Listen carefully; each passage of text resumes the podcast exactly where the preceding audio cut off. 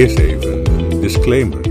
Deze podcast is een nogal theologisch aangelegde podcast. Het is eigenlijk een soort theologisch uh, exposé over Pasen, over wat het is. U zult misschien denken, ja, moet ik een halve theoloog zijn om dat te volgen. Maar dat hoop ik toch niet. Ik hoop dat ik u uh, de geheimen van Pasen, die theologisch uh, van belang zijn, toch op een manier kan duidelijk maken dat ook, ook al bent u geen theoloog, u het wel kunt uh, volgen.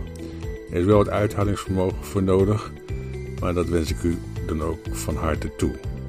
Als het lukt, veel plezier met deze podcast over Pasen.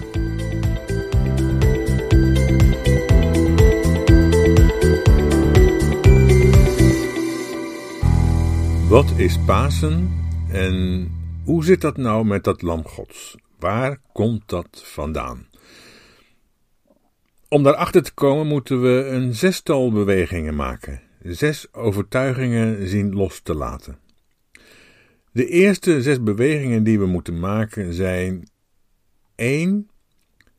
Pasen heeft niets met vruchtbaarheid te maken. Dus eieren, haasjes, kuikentjes, bloembollen en wat iets meer zei, dat is heidendom. Vruchtbaarheid vieren is vieren dat het leven in het leven zelf zou zijn ingebakken. Een natuurlijk proces dat vanzelf verloopt. De Bijbel wil het daar niet over hebben. De Bijbel wil niet dat wat van nature bestaat aanvaarden en zeker niet het bestaande vereren of vieren. Pasen is juist verzet tegen het bestaande. Het leven komt in de Bijbel niet zozeer voort uit vruchtbaarheid, maar meer uit onvruchtbaarheid. Eh, toegesloten baarmoeders en gesneden, gemankeerde penissen. 2. Het woord Pasen is een verbastering, Paschen, en zo van Pesach in het Hebreeuws of Pascha in het Aramees. Pesach is een Hebreeuws woord en komt van een werkwoord dat betekent overstappen, hinkelen. Pesach is het feest van de Exodus. Het centrale verhaal van de hele Bijbel waarin nee wordt gezegd tegen dat wat bestaat. Waarbij dat wat bestaat wordt ontmaskerd als onrecht en geweld in de tien slagen over Egypte. En vervolgens wordt verlaten. Exodus betekent ex-hodos, de weg eruit. De Bijbel doet niet aan zingeving van het bestaande, maar aan het ontmaskeren van de onzin ervan. 3. De Bijbel is niet een boek. Het woord Bijbel komt van biblia en betekent boeken, meervoud. De Bijbel is geen boek, maar een bibliotheek. Met boeken van mensen die elkaar niet gekend hebben, van verschillende plaatsen en verschillende tijden, en die toen ze iets opgeschreven hebben, geen moment dachten een stukje van de Bijbel te gaan schrijven. Een wijdverbreid misverstand is het dat de Bijbel gedurende de twintig eeuwen dat die er is, altijd letterlijk, waarmee mensen die dat woord gebruiken bedoelen, zo is het echt gebeurd, letterlijk gelezen zou zijn. En dat pas de laatste eeuwen er een aanval op die letterlijke lezing wordt gedaan door uh, liberale theologen die het met de letterlijkheid van de Bijbel niet meer zo serieus zouden nemen. Uh, het tegendeel is het geval. De Bijbel is de eeuwen door altijd symbolisch gelezen. Met allegorezen, lectio divina, noem alle leesmethoden maar op. En sinds de opkomst van de geschiedeniswetenschap is er echter een wetenschappelijke kritiek op de Bijbel ontstaan, en wel dat die niet historisch betrouwbaar zou zijn. En de kerk heeft zich toen niet verweerd met de stelling dat de Bijbel een liturgische tekst is en geen historisch verslag, en is in de verdediging geschoten. Met de opvatting dat alles wat erin staat, van kaf tot kaft, echt gebeurd is zoals het er staat. Nou ja, daar zitten we dus de laatste eeuwen mee. En wie dat wil volhouden, is dus eigenlijk verplicht om de Bijbel juist niet letterlijk te lezen, maar aan de tekst voorbij te gaan en erachter te kijken wat de historische toedracht dan zou kunnen zijn geweest. De oudste stukken tekst van het Nieuwe Testament zijn de brieven van Paulus. Uh, moet je dateren in de jaren 40, 50. De evangeliën zijn later ontstaan, grotendeels na de val van Jeruzalem in 70. En zijn ontstaan onder invloed van de prediking van Paulus. Paulus was een fariseer en is daarvan nooit bekeerd. Vlak voor zijn dood roept hij tegen de afgevaardigden van de Joodse raad: Mannenbroeders, ik ben een fariseer, een zoon van fariseeën, en ik sta terecht om de hoop en de opstanding der doden. Handelingen 23, vers 6. Op vergelijkbare manier zijn de profetenboeken ouder dan de Torah. De vijf boeken van Mozes, die niet voor niks uh, de boeken van Mozes heten. En hebben de profeten, en dan vooral de profeet Jeremia, aan de vorming van de Torah ten grondslag gelegen. 4. Profetie in de Bijbel is geen toekomstvoorspelling. De Bijbelse profeten hebben het over het lot van medioden in hun eigen dagen, niet over iets dat zal gaan gebeuren vele eeuwen later. Dat zouden mensen toen ook totaal niet getroost hebben. En ook ons niet, omdat wij het dan alleen maar gebruiken als voorspelling van de komst en de dood van Jezus en verder eigenlijk niet. 5. Om te weten wat Pasen is, moeten we ook beseffen dat de traditionele opvatting over verzoening luidt: geen verzoening zonder voldoening. Nou, wat moet er dan worden voldaan? Een prijs. En wat is die prijs? Dat is de prijs die betaald moet worden om God tot kalmte te manen, zijn woede te temmen, zijn toorn tot zwijgen te brengen. Waardoor is die toorn dan ontstaan? Door de zondeval in het paradijs. Eerst was alles goed, toen at even van die appel en nu zitten we met de gebakken peren. Er moet dus een historische gebeurtenis hebben plaatsgevonden, waardoor de toorn van God gewekt is en die niet meer ongedaan gemaakt kan worden. Dan zou het bloed van Jezus, paas in het evangelie, bedoeld zijn om die toorn van God te stillen. De prijs die ervoor nodig is. De schuld die moet worden ingelost. Waarna God weer tevreden zou zijn over, ja, over wie? Niet over alle mensen, maar alleen over christenen, voor zover die in die prijs die Jezus betaald heeft, willen geloven. Nou ja, hier gaat zo'n beetje alles mis. Eh, er heeft nooit een historisch drama in een verloren gegaan paradijs plaatsgevonden. Een historisch drama dat God tot toorn verwekt zou hebben. Een toorn die vervolgens gestild is door het verzoenend bloed van Jezus. En Jezus wordt dan met een hele vreemde aanduiding genoemd de lijdende knecht, die voor de zonde van Eva en Adam met haar zou hebben betaald. Het paaslam dat zou zijn geslacht en geofferd aan God om hem te verzoenen. Maar, maar de, maar de Bijbelse profeten spreken helemaal nergens over zo'n fatale gebeurtenis aan het begin van de geschiedenis. Bovendien komt het woord zonde in de Bijbelse tekst pas voor bij het verhaal van Kain en Abel. En daar dan niet als erfzonde vanwege Adam en Eva, maar als een eventuele mogelijkheid. Als je geen aandacht hebt voor je zwakkere broeder, dan ligt de zonde aan de deur. Zo staat het er. Dan wordt de zonde een, een vreselijke mogelijkheid. Dan, dan ontstaat er mogelijk eh, broedermoord om godsdienstige redenen. Broedermoord om godsdienstige redenen. De sterkste slaat de, de zwakste de hersens in vanwege godsdienst. Het speelt zich allemaal af rond een offercultus. Dat is het kwaad waar het in de Bijbel allereerst over gaat. Nou ja, en dan als laatste beweging, de zesde, uh, paaszondag mag niet losgemaakt worden van Goede Vrijdag. De opstanding wil niet zeggen dat het lijden van het kruis voorbij zou zijn. Dat het leed geleden is, zeg maar. Maar het wil juist zeggen dat het lijden van het kruis uh, een boodschap van God zelf in zich draagt. Dat het kruis iets te zeggen heeft, iets wat niet meer tot zwijgen te brengen zal zijn. Dat het kruis iets onthult en niet toedekt. Iets onthult wat nu voorgoed aan het licht gekomen is God en de slachtoffers van slavernij zijn één. Ja, dat wisten we eigenlijk al uit Exodus. Maar het nieuwe is nu dat zij, de slaven die geen Joden zijn, daar ook toegerekend worden. De, de slavengod van Israël is de slavengod van de mensenwereld. Dus het opstaan van de gekruisigden samen met de zeer velen die opstaan, wil bij Paulus zeggen dat de God van Exodus de God van de volkerenwereld is geworden.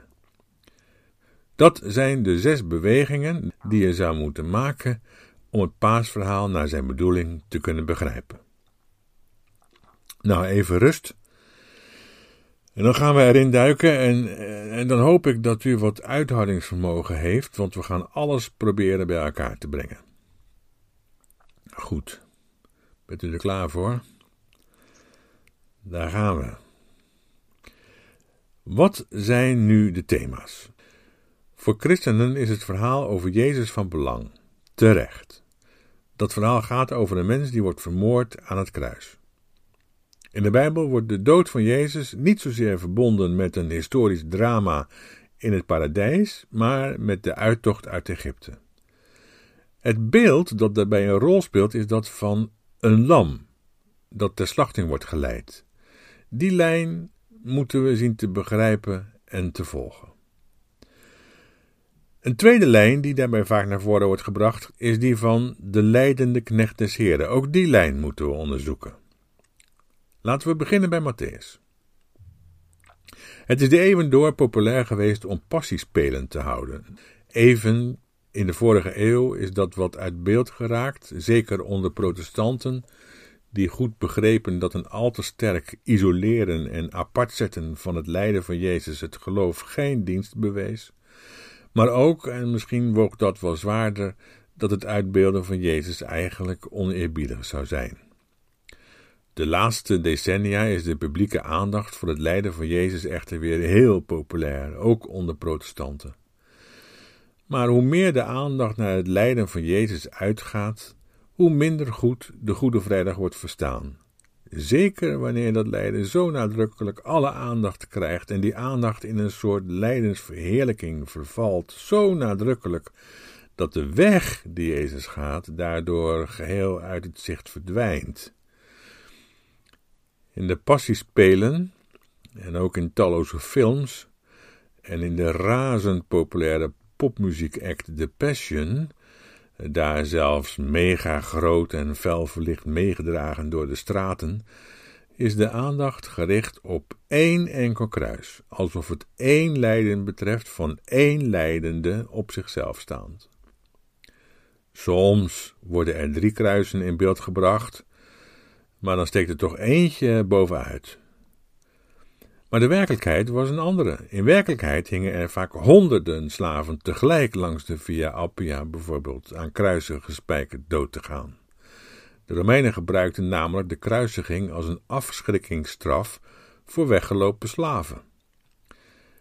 Het is niet de bedoeling van het evangelie dat mensen aanwennen om zich te vergapen aan het lijden van Jezus als een apart en uitzonderlijk lijden, zo erg dat geen mens dat te dragen krijgt, zo vreselijk, als straf van God. Het lijkt mij veel meer de bedoeling dat wordt gezien en ervaren dat Jezus als God in ons midden moedwillig en trouw, niet als straf, maar als solidaire daad, hetzelfde lijden ondergaat als de talloze naamlozen in deze wereld, die vergaan en omkomen van leed en ellende, dat God daar is. Het gaat in het lijden van Jezus niet om een vereffening tussen die mens aan het kruis en een toornende God in de hemel die bloed wil zien. Paulus zegt over het bloed van Jezus aan het kruis iets veel ontroerenders. Hij schrijft in de Romeinenbrief het volgende. Romeinen 3, vers 25. Hem heeft God voorgesteld als zoenmiddel door het geloof in zijn bloed om zijn rechtvaardigheid te tonen, daar hij de zonden die tevoren onder de verdraagzaamheid Gods gepleegd waren, had laten geworden, om zijn rechtvaardigheid te tonen. Het woord zoenmiddel is een nare vertaling. Het doet veel te veel denken aan smeermiddelen of betaalmiddelen.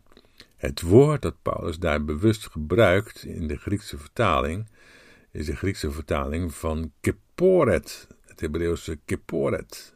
En dat is verzoendeksel. En het verzoendeksel, dat was in Israël de plek waar God woont. Waar God is. Aanwezig is. Dus, dus Paulus noemt de plek waar het bloed van Jezus vloeit, de plek waar God zelf is. Paulus denkt dus niet aan een God daarboven, die zijn zoon hier beneden laat lijden. Nee, Paulus ziet God zelf aanwezig in dat lijden, dat hij dus niet teweeg brengt of opeist, maar waar hij present is. Het is de bedoeling dat we met een schok ervaren dat onze wereld zo is en dat Jezus zich daarin begeeft en dat dat de vrijdag tot de Goede Vrijdag maakt. Daarom is het bloed van Jezus allereerst onthullend bloed. Het legt bloot wat er aan de orde is in de wereld en in de godsdienst. Het legt bloot wat een paar dagen daarvoor in de tempel door Jezus werd aangevallen als een offercultus, waarin dat alles wordt verdonkere maand. De wereld, en daarmee wordt bedoeld de politieke constellatie, is, zoals door de gebeurtenis op Goede Vrijdag wordt onthuld. Het gaat niet om het lijden van één mens, maar om het lijden van de velen, waartoe die ene mens zich solidair verhoudt. Een, een positie die hij deelt, niet voor even, maar voor goed.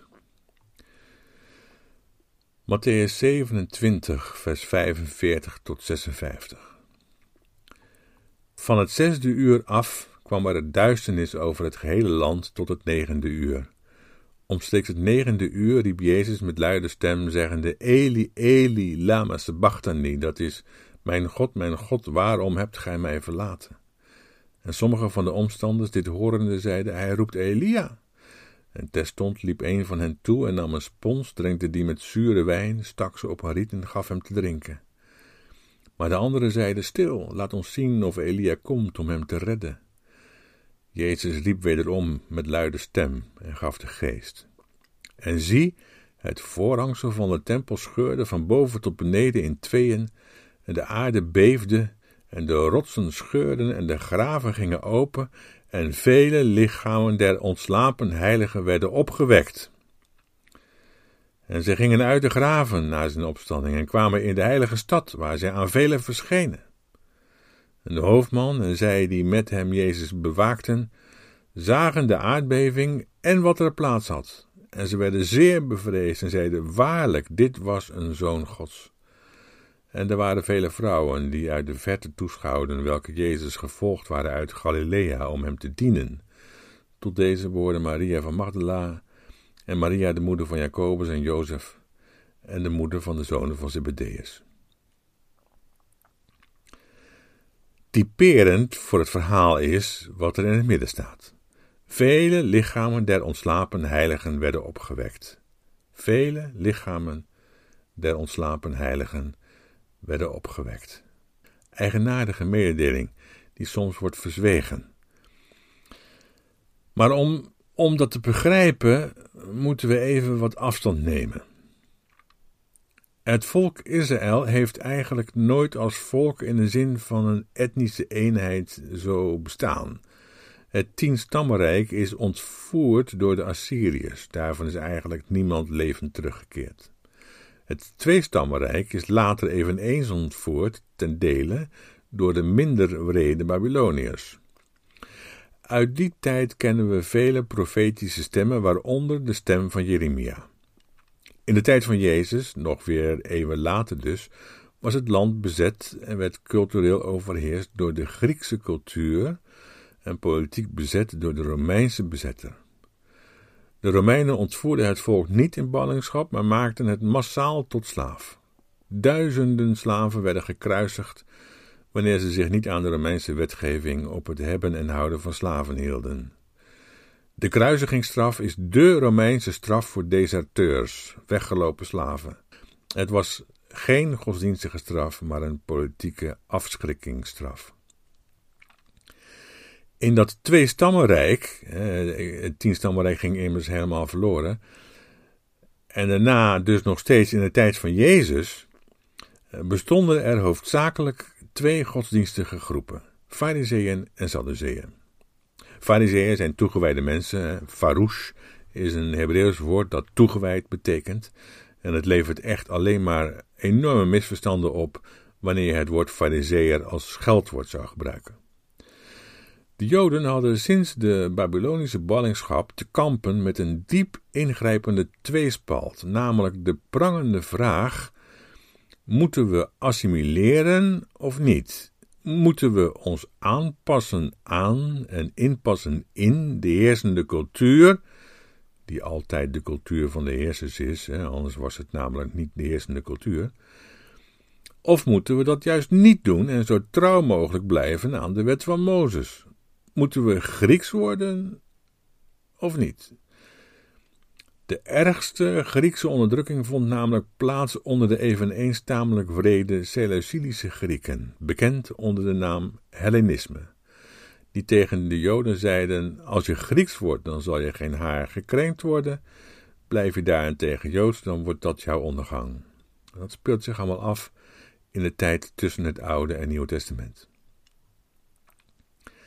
Waar nog bij komt dat de Griekse cultuur behalve uiterst wreed, vooral ook heel erg mooi was. Hè? Kunst, architectuur, literatuur, filosofie. Terwijl de Joodse cultuur een boerensamenleving betrof van herders en wijnbouwers met een slavenafkomst en slavenliederen. Uh, psalmen lijken dus wat dat betreft wel op bijvoorbeeld Negro spirituals. Wel, Sadduceeën in de tijd van Jezus waren in tegenstelling tot de over het algemeen armere Fariseeën afkomstig uit rijke families en hadden goede banen aan de tempel in Jeruzalem, waar zij met de Romeinen samenwerkten, zoals ze zelf zeiden. Collaboreerden, zoals het volk dat zag en ook de Fariseeën het zagen. Om die reden waren de Sadduceeën falikant tegen elke vorm van opstand. En dus ook tegen het geloof daarin, hè, dat je nee kunt zeggen tegen de machthebber, je niet langer in de rol van slachtoffer wilt voegen en opstaan. Opstanding en opstand lagen voor de Sadduceeën in elkaars verlengde. Trouwens, ook voor de Fariseeën, maar dan vanuit de rol van de slaven en niet van die van de slavenhouder. Paulus in het Hebreeuws Shaul geheten, de fariseer aan wie we het christelijk geloof te danken hebben, heeft aanvankelijk gemeend dat de Romeinen uit het land moesten worden verdreven met geweld. Hij is namelijk aangesloten geweest bij de Partij der Zeloten. Dat was een, radicale afsplitsing van de Partij van de Fariseeën. En de Joodse opstand die de Zeloten aan het voorbereiden waren en waar Paulus dus aan deelnam, kon geen last pakken als de vredelievende volgelingen van Jezus gebruiken. Die stonden de opstand in de weg en moesten dus uit de weg. Onderweg naar Damascus is Paulus daarvan bekeerd. En omdat een tekst uit de profeet Samuel begon op te lichten als in een lichtflits: Saul, Saul, waarom vervolg je mij? heeft hij ingezien dat zijn geloof in Messias hem tot vijand van Jezus maakte. Maar dat hij daarmee niet God aan zijn zijde vond, en hij zijn God juist geen dienst bewees zoals hij meende, integendeel. En hij is toen niet Jood af geworden, maar Zeeloot af. En is weer teruggekeerd tot de richting waartoe hij vanuit zijn ouders, die ook fariseeën waren, al vanaf zijn kind zijn heeft behoord. Maar wel een richting binnen de partij de fariseeën die veel vragen opriep. Zien wij in Handelingen 28 vers 22. Een van de belangrijkste vragen betrof Messias. Paulus is namelijk degene geweest die Jezus als historische gestalte en Messias als toekomstige eindverwachting bij elkaar brengt. Zo dicht bij elkaar brengt dat ze net niet samenvallen, maar wel zo goed als. Hij formuleert het zo. De Messias waarmee wij opgevoed zijn en waarover wij op school hebben geleerd en die wij dus kennen en verwachten, is waarheid, aletheia, waarheid geworden in Jezus die gekruisigd is. We lezen dat in Efeze 4, vers 17 tot 21. Dit zeg ik dan en betuig ik in de Heere, dat gij niet langer moogt wandelen zoals ook de heidenen wandelen, in de ijdelheid van hun denken, verduisterd in hun verstand, vervreemd van het leven Gods om de onwetendheid die in hen heerst, om de verharding van hun hart, Ze hebben zich immers in hun verdoving overgegeven aan de losbandigheid om gretig winst te slaan uit allerlei onreinheid. Maar gij geheel anders, gij hebt Messias leren kennen, gij toch hebt van hem gehoord en zijt in hem onderwezen, gelijk dit de waarheid is in Jezus. Zoals Jezus die gekruisigd is, hè, zegt Paulus dus eigenlijk, zo zal de Messias zijn die komt.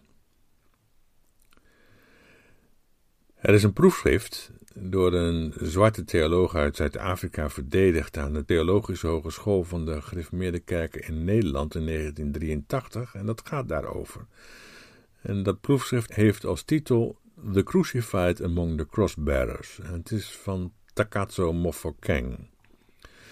De crossbearers, degenen die een kruis te dragen hebben, zijn de zwarte Afrikanen, leidend en stervend onder de apartheid wat een uitwas van de slavernij is. Een andere vraag, daaraan vastgekoppeld, was dat Paulus de niet-Joden erbij rekent, zodat bijvoorbeeld Mofokeng de zwarte Afrikanen tot het volk van Exodus, de Bene mag rekenen. En de vraag is natuurlijk, is dat terecht? Is, dat iets wat mag, of niet? Eh, is, is, dat, is dat juist of verkoopt Paulus hiermee de zaak van Israël voor een appel en een ei aan een niet-Joden? En is het daarmee onterecht? Is het een ketterij? En Jezus hetzelfde probleem. waarom is die man, Jezus van Nazareth, zo in conflict geraakt? Is dat niet precies om die kwestie? Hij rekende de niet-Joden erbij bij het volk van Israël, zodat die vraag van assimileren of niet beantwoord werd in die zin: nee, niet assimileren. Trouw blijven aan Torah en aan de God van Israël, maar de niet-Joden om niet toegang geven tot die slavengod. Of beter gezegd, inzien dat Jezus zijn leven gaf voor die kwestie, dat de niet-Joden toegang kregen tot de God van Israël en dat zij van ver af nabijgebracht werden en van vreemdelingen tot mede-erfgenamen werden gemaakt. We lezen een stukje uit Efeze 2, vers 14 tot 16. Daar schrijft Paulus dit. Want hij is onze vrede, die de twee één heeft gemaakt en de tussenmuur die scheiding maakte, de vijandschap, de vijandschap tussen Joden en niet-Joden, weggebroken heeft doordat hij in zijn vlees de wet der geboden in inzettingen bestaande buiten werking gesteld heeft, om in zichzelf vredemakende de twee, Jood en Griek, tot één nieuwe mens te scheppen en de twee tot één lichaam verbonden weder met God te verzoenen door het kruis waaraan hij de vijandschap gedood heeft. Let op de volgorde. Hè? Dus nu is te begrijpen dat de schrijvers van de Evangeliën, die onder invloed van deze opvatting van Paulus hebben gestaan, en eveneens farisees waren, het verhaal op hun manier zijn gaan componeren. Het is dus een farisees verhaal over Jezus. En het is volstrekt vanzelfsprekend dat zij Jezus laten opstaan. Opstaan in het verhaal dat ze over hem vertellen. Maar Jezus niet alleen, maar samen met de velen. En dat is wat Matthäus doet. Wel, nu kijken we naar die lijnen die in het Evangelie, het verhaal over Jezus, eh, worden aangeduid met de termen het Lam Gods en de leidende knecht. Waar bevinden zich de bronnen daarvan? En waarom hebben de schrijvers van de Evangeliën bij hun verhaal over Jezus aan de profeten gedacht? Niet dat de profeten Jezus hebben voorspeld, maar omgekeerd dat Jezus hen aan de profeten deed denken. Waarom deed Jezus en met hem al die opstandelingen hen aan de profeten denken? Hoe was het leven van Jezus een uitleg van de profetie, een actualisering daarvan? Nou, om dat te begrijpen, luisteren we naar drie profeten. Eén van voor de ballingschap, één van tijdens de ballingschap en één van na de ballingschap. Eh, de ballingschap heeft grofweg geduurd van 700 tot 300 voor Christus. Eerst Micha, Micha 3, vers 9 tot 4, vers 3. Micha. Hoort dit toch, hoofden van het huis Jacobs en leidslieden van het huis Israëls, die het recht verafschuwt en al het rechte krom maakt, die Sion bouwt met bloed en Jeruzalem met onrecht.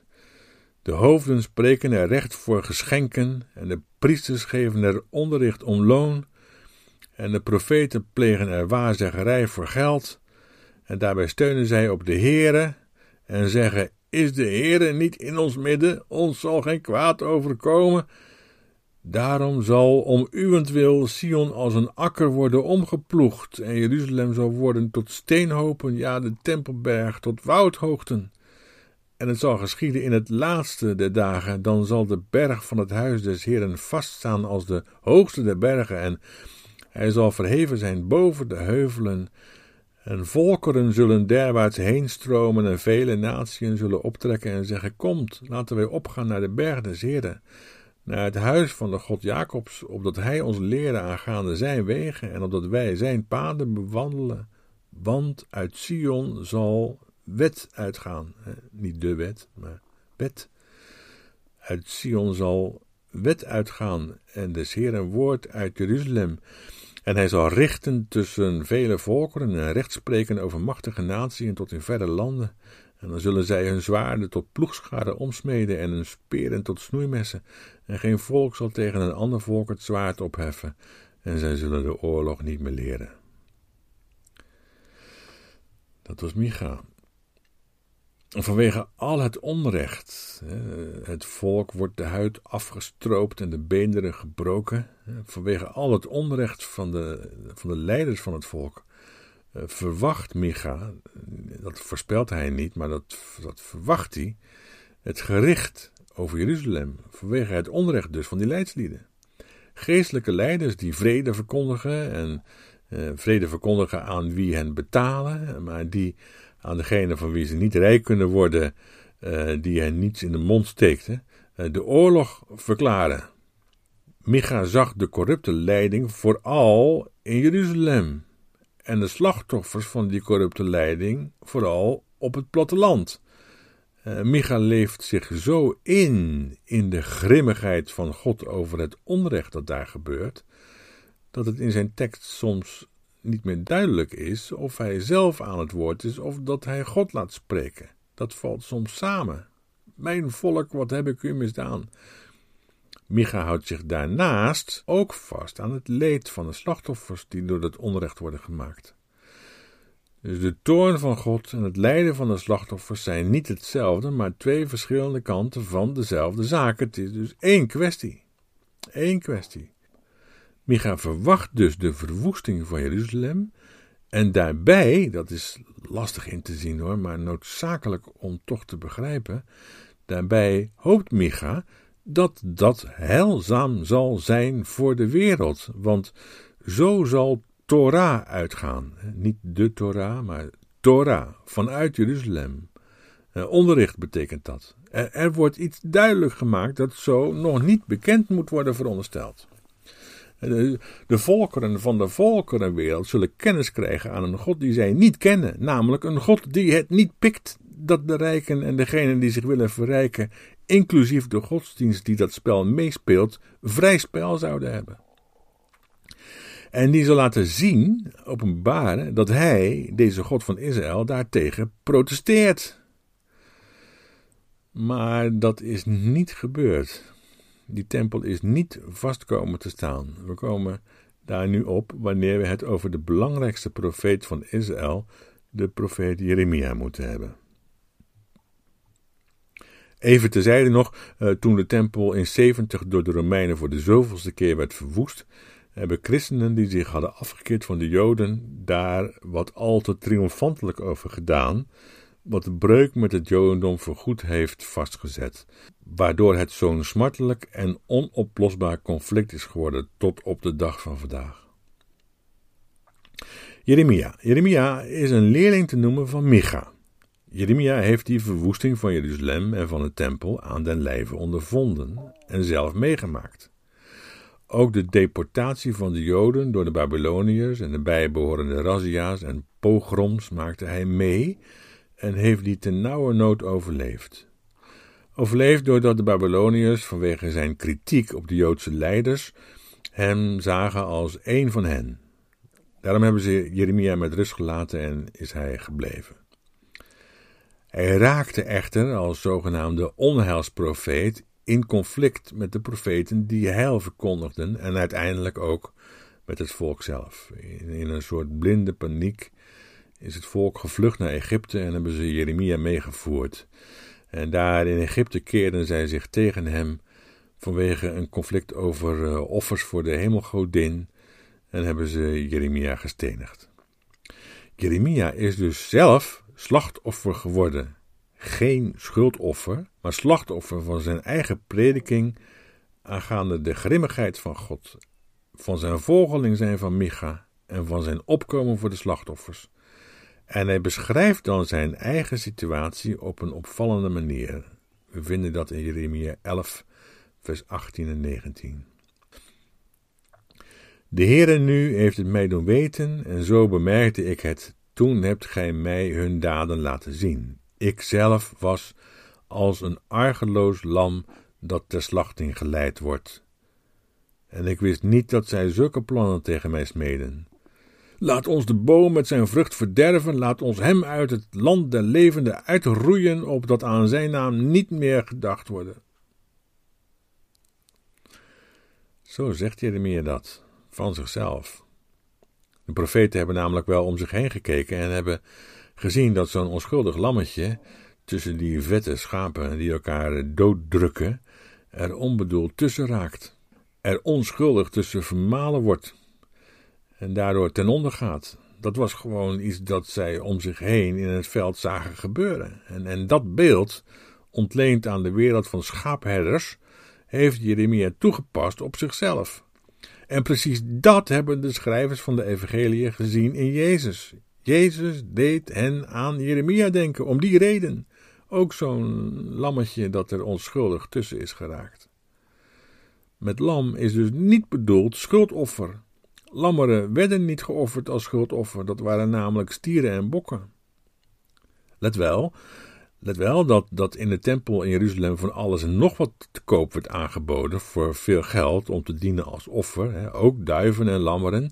Dat is een corruptie van de Sadduceeën, die, zoals Micha het al zei, leiders waren die het om geld en macht te doen was. Precies daartegen richt zich Jezus tempelrevolutie.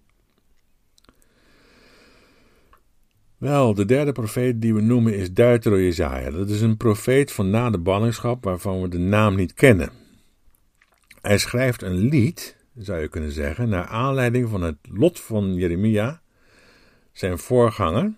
En dat lied is heel bekend geworden. En ook daarvan geldt dat de leerlingen van Jezus in hun meester heel veel van Jeremia hebben herkend. Zoals de onbekende profeet van na de ballingschap doet, die schrijft... We vinden dat Jezaja 53 vers 7. Hij, dat is Jeremia, hij werd mishandeld, maar hij liet zich verdrukken en deed zijn mond niet open als een lam dat ter slachting geleid wordt en als een schaap dat stom is voor zijn scheerders, zo deed hij zijn mond niet open. Dus de leerlingen van Jezus hebben in Jezus herkend wat Jeremia over zichzelf zegt en wat Deutero Jezaja in een lied over Jeremia vorm geeft.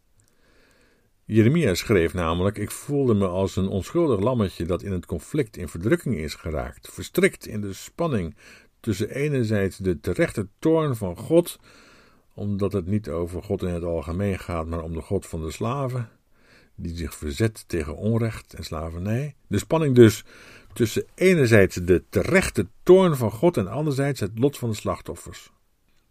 Dat is precies wat Jezaja in zijn lied erover letterlijk citeert. En dan schrijft Jezaja 53 vers 11... Om zijn moeitevol lijden zal hij het zien tot verzadiging toe. Door zijn kennis zal mijn knecht de rechtvaardige velen rechtvaardig maken, en hun ongerechtigheden zal hij dragen. Deze Duiter Jezaja, dus, dus de onbekende profeet, die het lot van Jeremia bezingt, noemt hem dus niet de leidende knecht des Heren, maar mijn knecht de rechtvaardige, de tzaddik. En in dit lied gaat het in het lot van die ene mens over meer dan één mens. Het gaat ten diepste om die categorie van mensen die er onschuldig aan ten onder gaan. De crossbearers, zoals Mofokeng hen noemt. En, dat is van belang, Mofokeng kan dat doen in zijn proefschrift. En Mofokeng mag dat gerechtvaardigd doen, omdat in Jezus er iets nieuws gebeurt. Het nieuwe is dat deze traditie van de rechtvaardige knecht des Heren, de traditie van het tzaddik en het tzaddikim, lees bijvoorbeeld eh, de laatste der rechtvaardigen van André Schwarzbart, dat dat niet meer exclusief Joods is gebleven, maar wereldwijd aan de orde is gekomen, waar is gemaakt. Zo waargemaakt dat de woorden van Micha zijn vervuld, geldig blijken. Ze hebben niet afgedaan, maar zijn juist actueel gemaakt. En de slaven uit de volkerenwereld zijn toegestroomd of toegeleid naar het huis van Israël. Zoals de evangelist Johannes het Jezus laat zeggen. Johannes 11, vers 25. Er zijn nog andere schapen die niet van deze stal Israël zijn, en ook die wil ik leiden, zodat het zal zijn één kudde, één herder. Paulus noemt dat het geheim, dat wat nieuw is. Efeze 3, vers 6. Dat de heidenen mede-erfgenamen zijn, medeleden en medegenoten van de belofte in Christus Jezus, door het evangelie waarvan ik een dienaar, een slaaf geworden ben, naar de genadegave Gods die mij geschonken is, naar de werking zijner kracht. Dit is in elk geval van belang in de profetie van Jesaja over Jeremia en Micha. Dus op een eerder moment dan dat de Torah vorm krijgt, ontstaat dat in eerste instantie typische Joodse besef: wij krijgen op ons brood wat de hele wereld doet. Dat heet in de Bijbel uitverkiezing. Uitverkorenen lijden onder het geweld dat machthebbers hen aandoen, maar kunnen tegelijk geen afstand doen van de grimmigheid van Gods toorn over dat onrecht. Dat zit aan elkaar vast. Maar uitverkiezing is geen bezit. Het is geen Joods bezit tegenover de niet-Joden. De uitverkorenen, dat is die gemeenschap waarbinnen Joods zijn aan de ene kant en het Grieks zijn aan de andere kant niet langer beslissend zijn. Zij, zij brengen als uitverkorenen de bevrijdende boodschap, het, het evangelie, dat er tussen de goden die er zijn ook een God is die torent over onrecht en die zich verzet tegen de slavenhouder, de machthebber, de Caesar. Het is dus genade dat lijden hoopvol is. Dat is genade. Uh, lijden is dan geen lot meer, maar eerder een daad. Een daad, een van verzet. Dus het paasevangelie van Goede Vrijdag en Paaszondag heeft tot doel ons te brengen bij die traditie van het tzaddikim, de rechtvaardige. En het nieuwe van het Nieuwe Testament is dat dat niet alleen geldt voor de besnijdenissen, maar ook voor de niet-Joden. Dus kort gezegd, Pasen, het leven en sterven van Jezus, is voor ons als niet-Joden de weg, de toegang tot die bevrijdende boodschap van de profeten er is een God die grimmig torent over onrecht en dat is een bevrijdende boodschap. Want stel dat er geen God zou zijn die toornt over onrecht. En van daaruit hopen de niet-Joden met de kinderen van Israël mee op de komst van de Messias en op de opstanding der doden.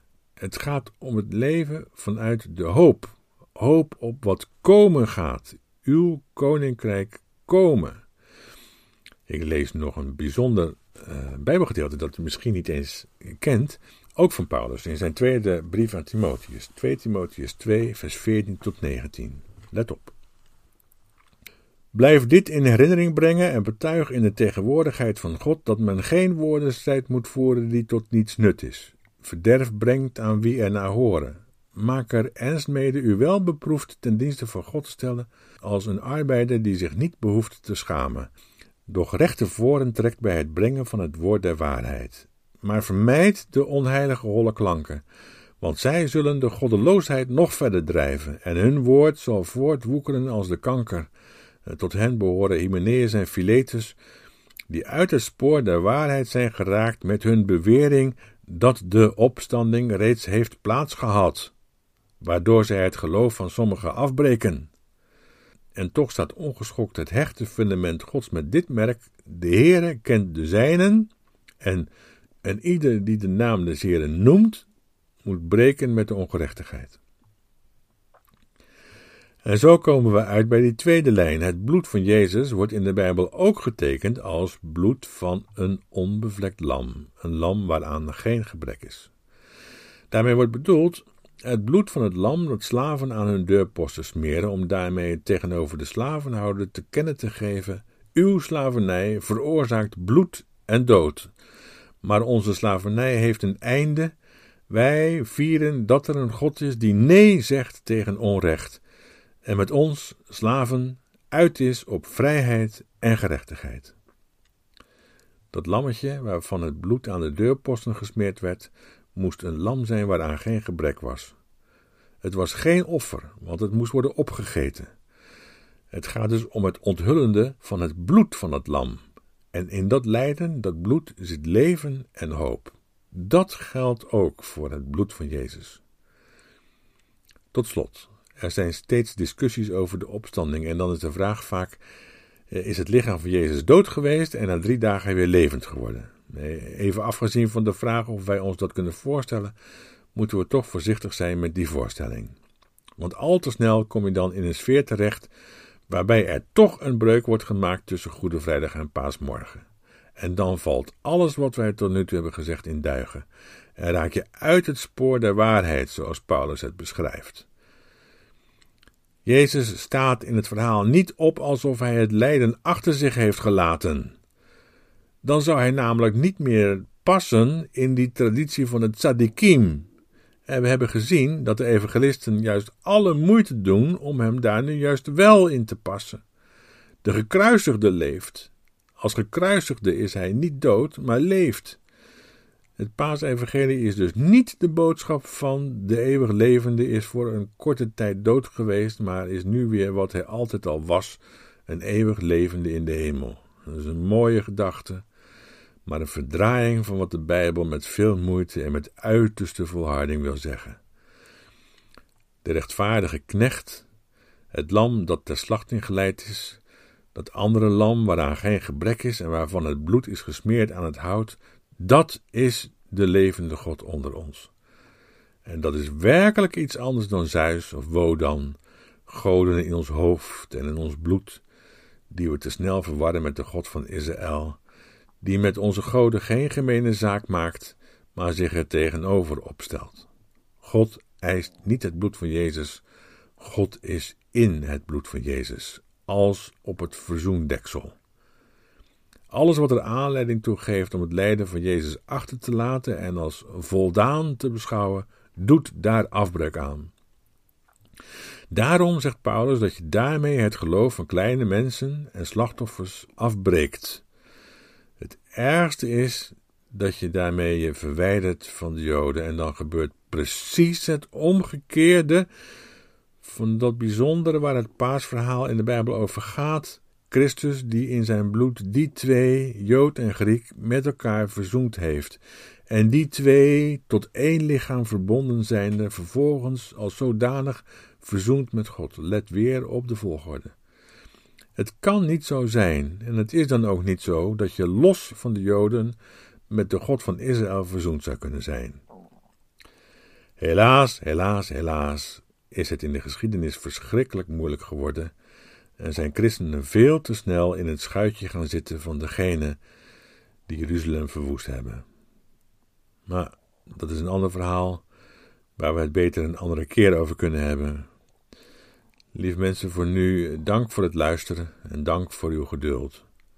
Shalom en tot volgende week.